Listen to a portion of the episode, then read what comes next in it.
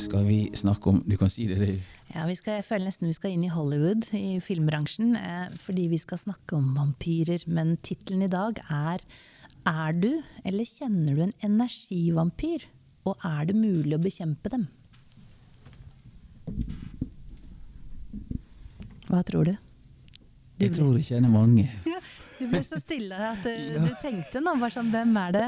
Jeg måtte tenke meg nøye etter. Bare sånn å gå gjennom persongalleriet og tenke ja. at okay, den er og den er, den er ikke. Jo, det er helt sikkert der er, der er, der er mange også. Selv om jeg har prøvd å skvise dem ut. Ja, og du kan si det som er. ikke sant? Altså, grunnen til at jeg kaller det energivampyr og ikke bare energityv, fordi det skriver vi mye om i magasiner og sånn. Bli kvitt alle energityvene dine, så går det bra. Eh, men det er ikke så lett. men bare for å liksom komme definisjonen av en energivampyr, noen eksempler. Det er Tenk deg liksom eh, svigerfar som sitter i stuen, ikke sant. Som er litt gammel og grinte og sitter der, ikke sant. Og alle vet når han er der, så er han litt sånn hm, hm. Ikke sant? Sier ikke så mye. Men han dunker kanskje i kaffekoppen, og det betyr til kona liksom 'finn kaffe til meg'. ikke sant? Eller liksom eh, holdt på å si, far som kommer der og sier at eh, ja, det, dette er riktig i politikken, og så vet alle at nei, jeg er ikke enig i det i det hele tatt. Men hvis du tar diskusjonen, så bare går det ikke an å diskutere, for han skal alltid ha rett, ikke sant, som besserwisser. Eller du har f.eks. Eh, venninnen som bare snakker om alle sine plager og glutenallergier og hyperhøysensitiv og alle mulige, og du, du føler med henne, men du vet at neste gang dere skal møtes på kafé, så blir du sliten bare du tenker tankene alt du må høre. Eh, eller det kan være at hvis du er elev på skolen og har en lærer som er så dårlig engelsk, de fleste kan engelsk før de begynner på skolen, og du bare sitter der og tre kvarter føles ut som tre år. ikke sant? Eh, eller så har du typisk sånn mammaen som er sliten, som, som, som, ikke orker å gå ut med ungen sin for du er trøtt og sliten og har vondt her og der. og, og alle, altså Rett og slett energivampyrer. Og da er da jeg sier er man det selv eller ikke. Eh, og det er jo slik i dag at hver tredje nordmann møter veggen, den berømte veggen som skyldes at du blir utbrent. Uh, og du kan si Stopp et øyeblikk der. Bare før vi går videre, så vi, så vi har gangen i det. Mm. Utbrent, gå i mm. veggen. Men hva mm. er det faktisk som skjer når du da er utbrent? Når du blir utbrent, altså etter min faglige diskusjon, når du virkelig blir utbrent, det er når du får noe som heter binyretretthet. Det er når de stakkars binyrene som lager stresshormonene Som sitter på nyrene i små trekanter. trekanter ikke sant? Ja. Og de blir så slitne fordi de skulle egentlig ikke vært i bruk hele tiden, men det er de hos de fleste vestlige mennesker. De skal bare være i bruk når det er fare. Ja, men ikke når, bjørn, vi, tenker, ikke når vi tenker negative mm. tanker. ikke sant? Uh, og til slutt så blir de akkurat som en bil som blir brukt for mye og ikke stelt bra nok. Den, den, den blir rusten, ikke sant? så den blir ødelagt. Da kan du få sånn utbrenthet som virkelig er sånn fysisk utbrenthet hvor du ikke er i stand til å gå på do alene og du ligger i et mørkt rom. Og det er på en måte en fysisk diagnose også. Men utbrent blir også brukt sånn hvis du ikke orker ting, eller hvis du gruer deg til å gå på jobben. Og slike ting. Og jeg sier ikke at alle som er utbrent, blir energivampyrer, men det er fare for å bli en energivampyr. Fordi hvis du f.eks. møter veggen, blir sykemeldt, så er jo typisk de som er utbrent, de blir først sykemeldt noen uker, og så, og så blir ikke ting bedre, og så blir det noen måneder. Og så plutselig så må de inn på Nav sant, og fortelle liksom hvor syke de er for å opprettholde, for de er slitne. Eh, og så på en måte baller det på seg at til slutt så kan noen av de ende opp i en sånn energivampyrboble. Det blir en livsstil. Eh, og da er det sånn at noen ganger når jeg får klienter som kanskje si, ikke har den fysiske utbrentheten lenger, men, men som er i den kalde pasientboblen, Eh, da er det ofte sånn at jeg sier at vil du virkelig ut av boblen? Fordi på en måte så har de da fått hele familien sin rundt til å på en måte skjønne liksom at, at, at, de trenger hjelp. Og de prøver alle mulige kurs, de prøver alle mulige glutenfrie dietter, og de prøver alt for å liksom såkalt komme ut av det. Men på en måte så syns de kanskje i underbevisstheten at det er litt deilig å bli dullet og kost med, og de vil egentlig ikke ut.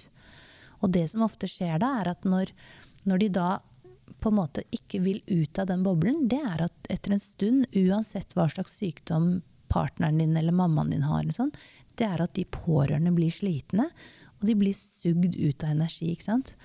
Og da plutselig fra å faktisk være en som er blitt utbrent, men til å bli en som ikke vil gå ut av den boblen, så er du da en energivampyr. Og jeg mener ikke de som føler at de ikke klarer å komme ut, men de som faktisk ikke vil ut.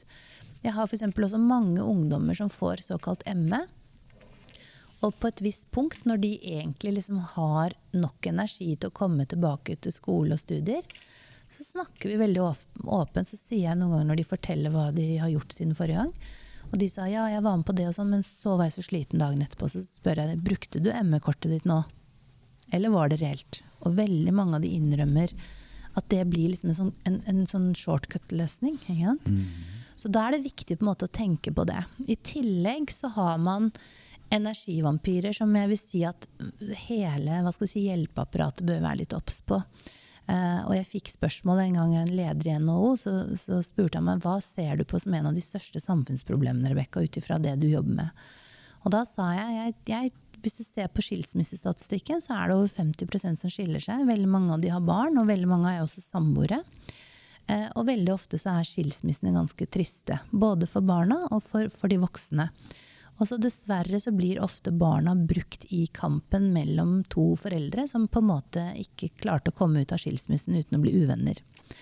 Eh, og da er det jeg, den farligste eh, energivampyren som jeg vil si som vi må ta tak i.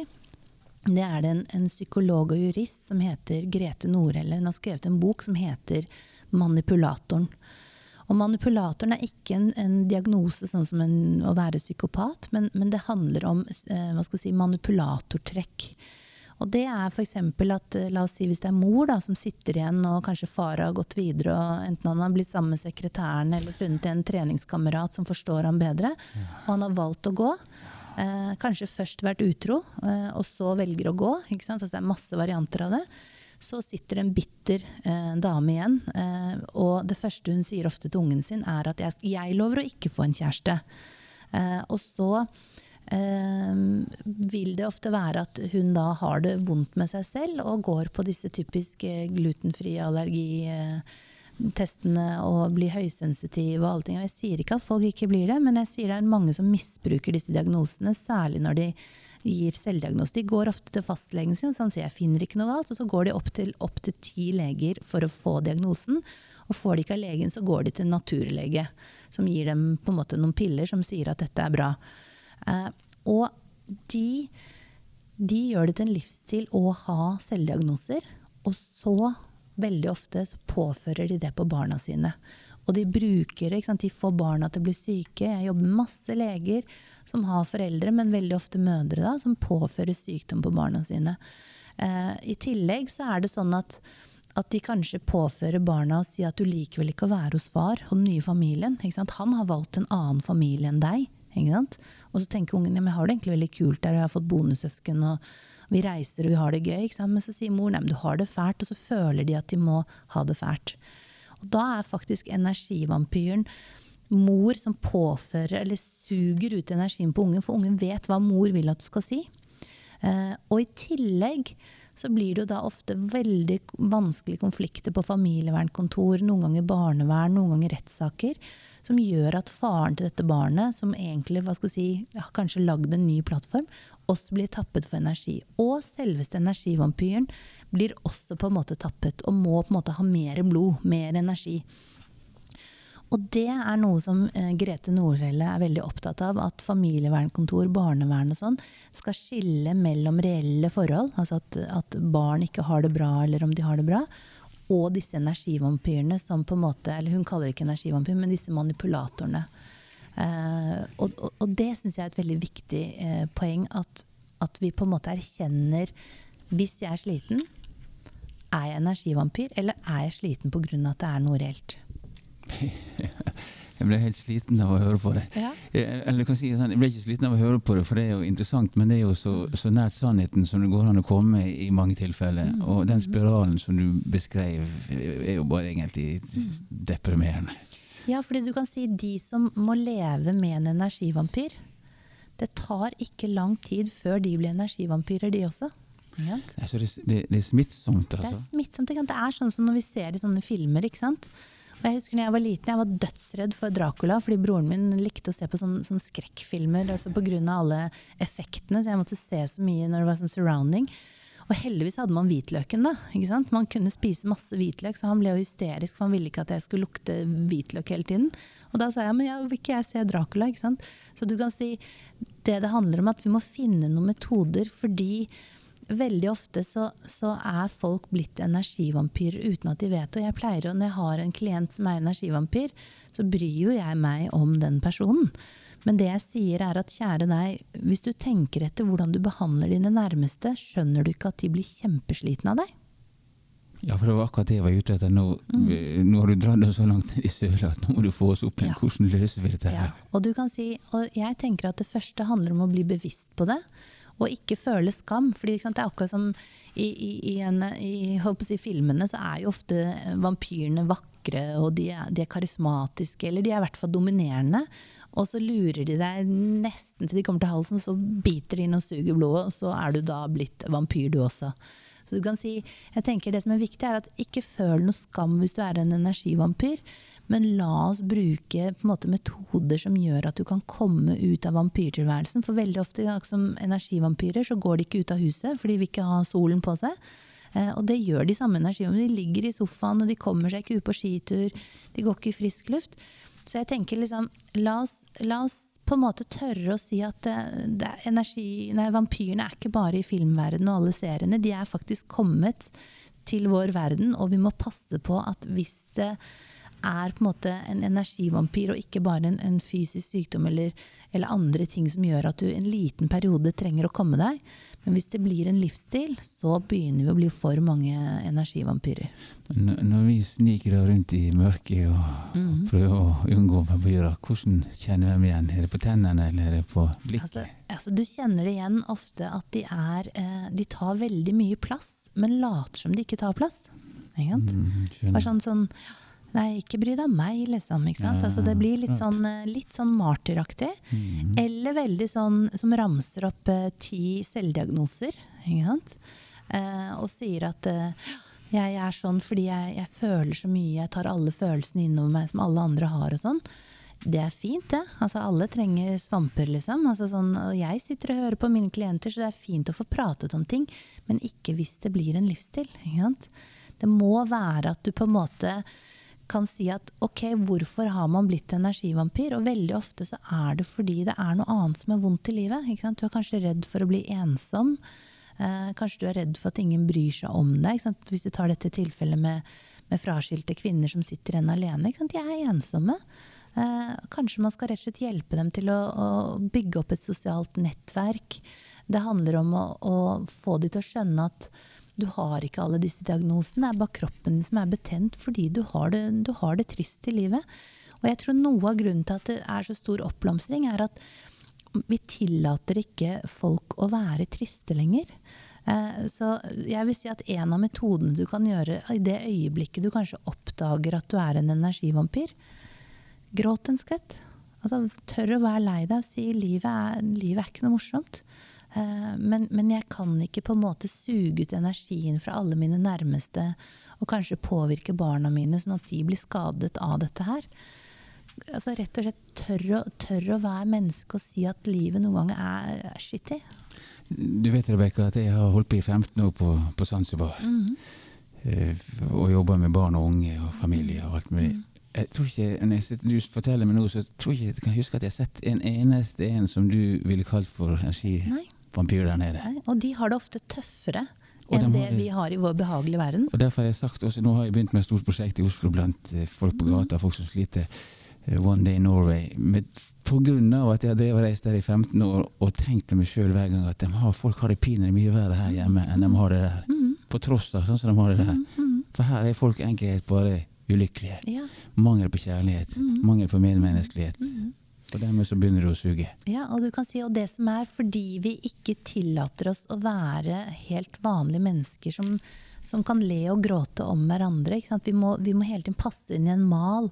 Vi må hele tiden ha en diagnose. Vi må si at ungen vår har ADHD, istedenfor å si at jeg er bare så sliten og jeg fikk barn litt sent. Så jeg synes det er litt jeg syns det er slitsomt å leke med ungen min som er ti år. ikke sant? Altså Det er lov å si jeg er sliten, og jeg, jeg, har kanskje ikke energien til å kave rundt i snøen med ungen min. liksom.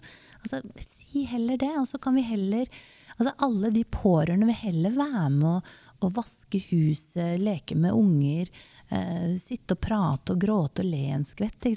Istedenfor at alt må pakkes inn i diagnoser og hva skal jeg si, sånne logiske forklaringer som egentlig bare er tull. Ikke sant? Fordi da vinner energivampyrene. Så mitt mål er tør å være menneskelig på godt og vondt. Tør å kjenne på at noen dager er dårlige dager. Men desto morsommere er det hvis du våkner en dag og sola skinner, og du føler at åh, oh, i dag føler jeg meg bedre. Så det handler litt om at jeg tror vi, særlig i den vestlige verden, vi er blitt dårlige på å tørre å føle ekte ting. Har du sett positive resultat ut fra en sånn Masse. Samtale. Og du kan si jeg har så mange energivampyrer som er blitt kurert. Ja. Som kommer og som sier. Og, og, det de begynner å gjøre, det er jo at de faktisk da begynner å fortelle. Hvis, hvis det er en kvinne, så begynner hun å fortelle til sine venninner. For du kan si energivampyrer finner du f.eks. veldig mye i trøstekulturer på bedrifter, i venninnegjenger. Du bare sitter og snakker om hvor fæl mannen er, og, og hvor fæl sjefen er, og, og hvor, hvor, vondt kneet er, og hvor grusom eh, hveteboller er. Altså alle disse tingene her. Og det jeg ser, er at når jeg på en måte har si, hjulpet en energivampyr til å på en måte ikke være vampyr lenger, så begynner de på en måte den positive effekten å fortelle det til andre. Eh, og noen ganger sender de klienter til meg, men veldig ofte så bare ved å på en måte gjøre det vendepunktet og si nei, men la oss heller sitte og gråte litt, da. La oss på en måte si at livet er jævlig. Det er jævlig å bli forlatt. Og man er usikker på om man orker å gå ut på kjøttmarkedet og finne en ny partner. Ja, men si heller det, da. For de fleste har det sånn. Og jeg pleier å si man trenger ikke være så redd for at de andre liksom oppdager at ikke du er perfekt. For alle, er for, alle, går rundt og er redde for at de andre skal oppdage at du ikke er perfekt. Vi er uperfekte. Så omfavn det uperfekte istedenfor å la deg forføre av energivampyrer. Er det flest kvinner som er akkurat den type? Det er fælt å si det, men ja, det er det. Selv om jeg liksom, så Det er derfor jeg snakker om kvinnekraft òg. Ja. Men det er veldig mange kvinner som blir det først, og så tar de mannen med i dragsuget. Det var litt synd. Ja. Men vi skal, vi skal, ut og bekjempe energivampyrer. Ja, ja, det skal vi det. Ja. Nå skal vi ut og fekte med fakler og slå av lys. Og det hele tatt. Takk, takk for i dag, Rebekka. Bare hyggelig. Veldig interessant, og takk til dere som har hørt på der ute. Vi snakkes igjen. Det gjør vi. Høres igjen. Ha det godt.